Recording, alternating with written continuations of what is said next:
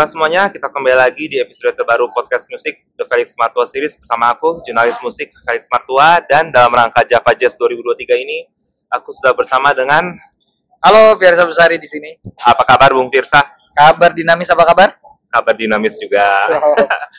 Oke, karena ini dalam rangka Java Jazz tentunya aku harus bertanya ini sama Bung Firsa. Bagaimana pengalaman Java Jazz tahun ini menurut Bung Firsa? Eh, ini paling seru sih sejauh ini. Eh, tadi nggak nyangka banget sempat pesimis. Wah, kayaknya bakal sepi nih yang nonton karena Firsa Besari. Satu-satunya yang jazz dari Firsa Besari kayak mobilnya doang. Ternyata ramai banget hari ini, seru banget.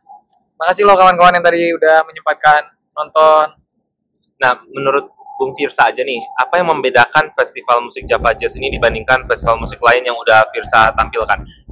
Kalau menurut saya sendiri ya, ini subjektif ya dari dari Subjektif aja ya. dari sudut pandang saya. Hmm, Java Jazz itu selalu apa ya? Ya dari namanya Java Jazz ya. ya. Akan selalu ada penampil yang gak semua orang tahu, miss lah, miss banget gitu. Hmm, Yang mungkin beberapa orang tahu, tapi menurut saya itu penampil yang hebat gitu.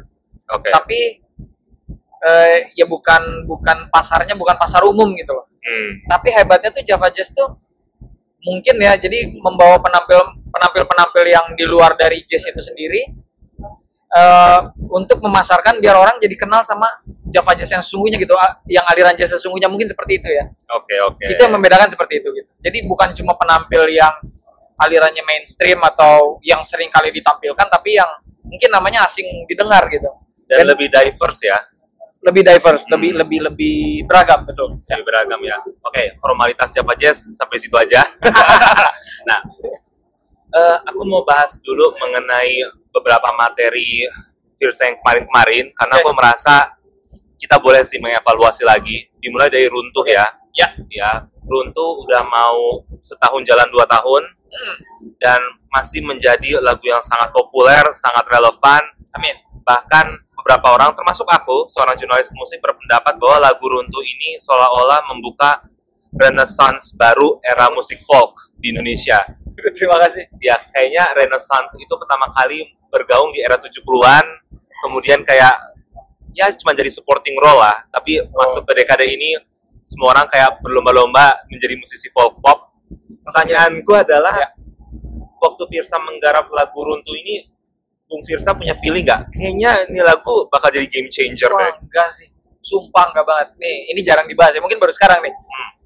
Runtuh itu ketika saya bikin sama Feby itu inget banget tuh di Dago di Feby datang sama timnya ke Bandung.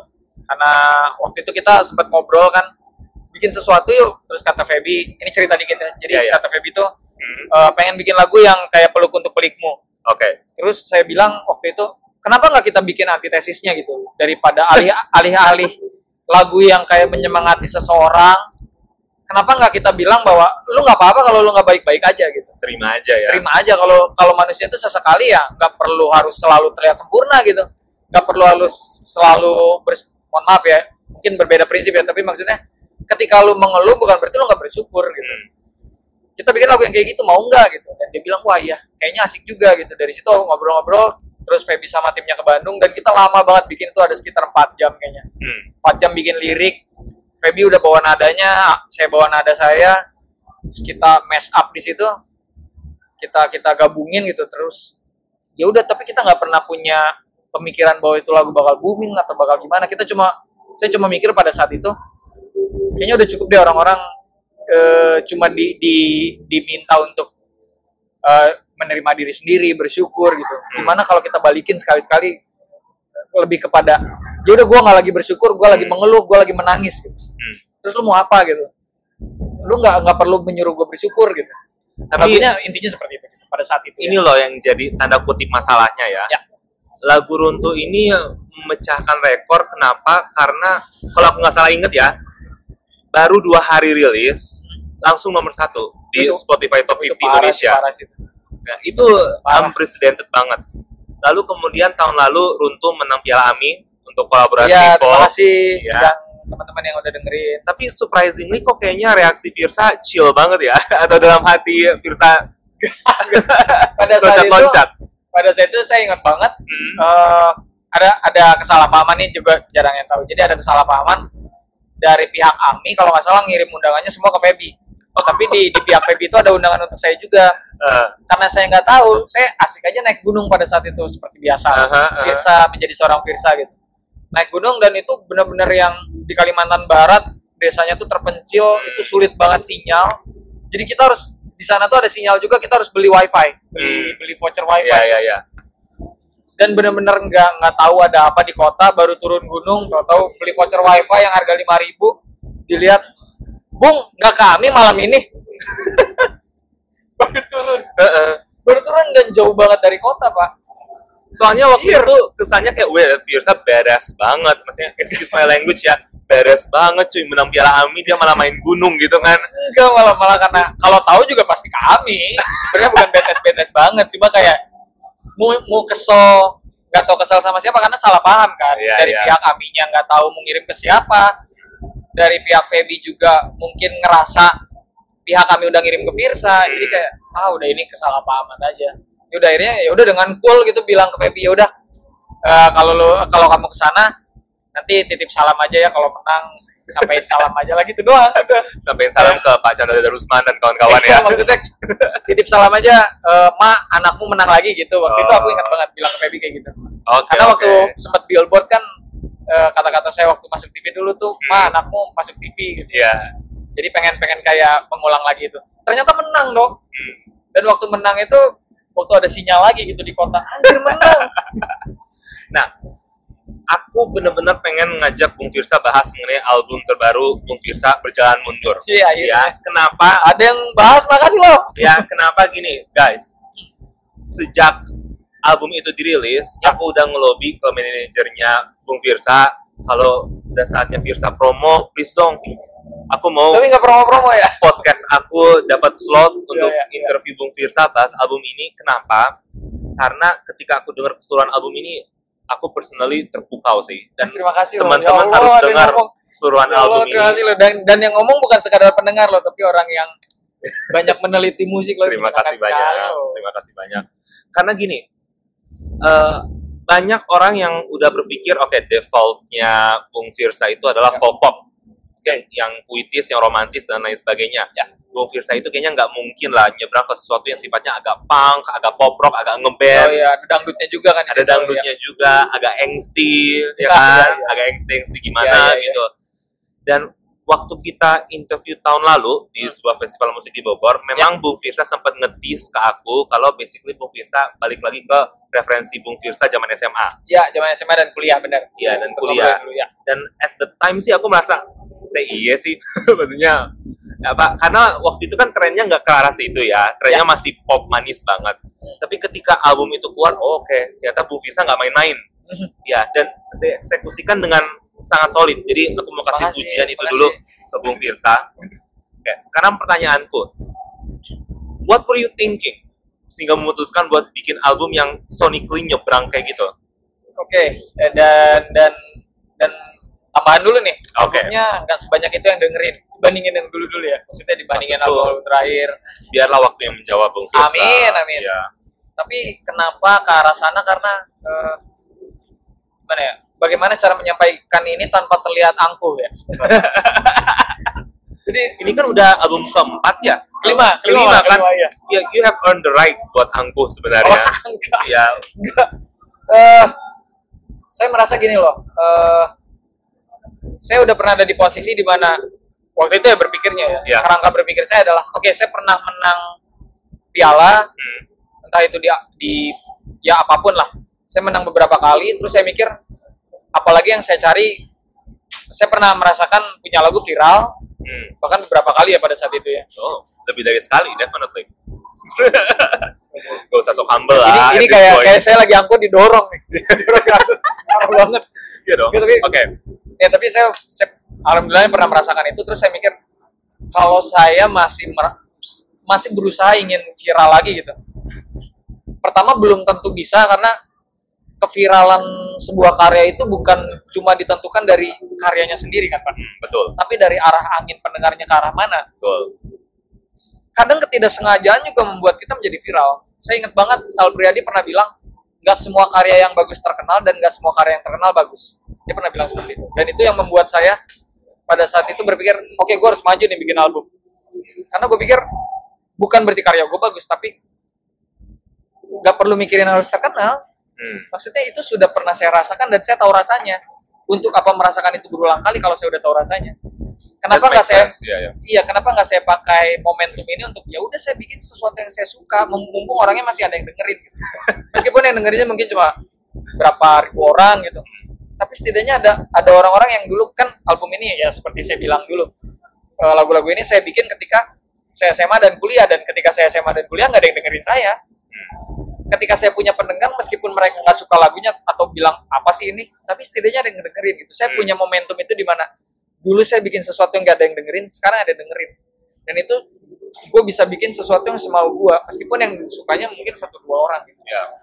alasannya itu aja sih saya nggak tahu mungkin 10 tahun 20 tahun lagi kalau saya bikin seperti ini ke satu mungkin sudah tidak ada energinya ke arah sana mungkin udah sibuk yang lain gitu Mhm.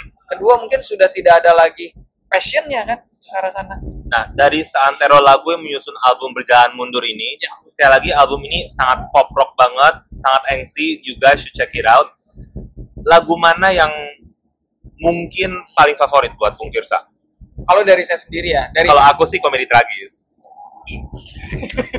sama ya Sama ya? Oke, Iya, iya. oke. komedi tragis itu eh pertama kali saya buat itu tahun 2008 2008an Udah lama ya? udah lama lagi 15 tren-trennya Noah yang lalu. ya lagi lagi tren-trennya Noah dan itu mungkin lagunya Noah pas band banget Hmm. pas band Noah lagi era-eranya lah Peter Pan ya lagi eranya Peter Pan Noah eh, apa eh, pas band kafein pada saat itu Hmm. ketukan-ketukan yang seperti itulah dan saya ih saya suka banget lagu kayak gitu gitu pada saat itu saya bikin komedi tragis nggak ada yang dengerin ya. Sekali lagi nggak ada yang dengerin. Buat sendiri aja nggak pede juga. Terus saya pikir saya punya kenangan di momentum di mana dulu saya besar di mus eh, sorry saya saya tumbuh dengan musik-musik seperti itu gitu. Saya ingin memperkenalkan ke orang-orang ini loh musik yang dulu saya tumbuh. Dan komedi tragis yang benar-benar mewakili itu gitu. dari segi nada ketukan drums melodinya. Semua tuh saya saya arrange untuk seperti itu gitu Nah, sebaliknya nih, dari seantero lagu ini, mana yang kira-kira paling susah buat dilahirkan? paling susah itu adalah eh, waktu melesat bagai peluru Oh, oke. melesat bagai peluru itu Itu mengejutkan sih buat ya aku. bagai peluru ini karena itu lagu di mana saya lagi suka jerok kan pada saat Itu jerok banget itu laruku laruku banget saya suka laruku bukan ya jerok juga tapi laruku lawal Bung Firsa baca pikiran aku banget. laruku banget kan itu. Aku jerok nggak berani jerok nyebut nama Jerok ya. soalnya. tapi jerok banget emang aku suka dulu oke. laruku jerok Oke suka Jepangan lah dulu Pa- pasti ada masanya lah ya Ya, ya semua orang pernah lah melalui Pernah fase ya. itu. Ya, ya. ASEAN Kung Fu Generation tuh pasti pada masanya pada masanya ya Bung Firsa tahu ya? dia Oke. suka lah gimana Oke, oke. saya tuh tipe orang yang memaksakan Naruto pada istri loh Sampai sekarang, jangan bilang sampai sekarang. sampai sekarang Sampai istri sekarang. tuh baru beres Naruto itu Januari kemarin Bentar, Naruto yang bocah atau yang Shippuden? sampai Shippuden. Sampai Tapi nggak nggak saya nggak bilang nggak nyuruh dia lanjutin ke Boruto. Jadi Oh. sekarang itu stop di ya udah ke mana-mana dulu ini.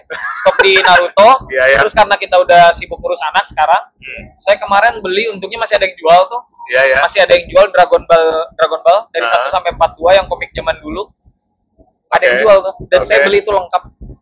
Dan kerjaan kita sekarang saya sama istri saya ini saya ingat banget sekarang lagi arc-nya sel nih. Baru masuk sel sama Android 18 17 Iya, iya. saya memaksa dia untuk baca itu tapi suka maksudnya bukan Nggak. memaksa yang Memang ceritanya bagus sih. Oke lah bagus ya. Iya. gila, gila Iya. Ball.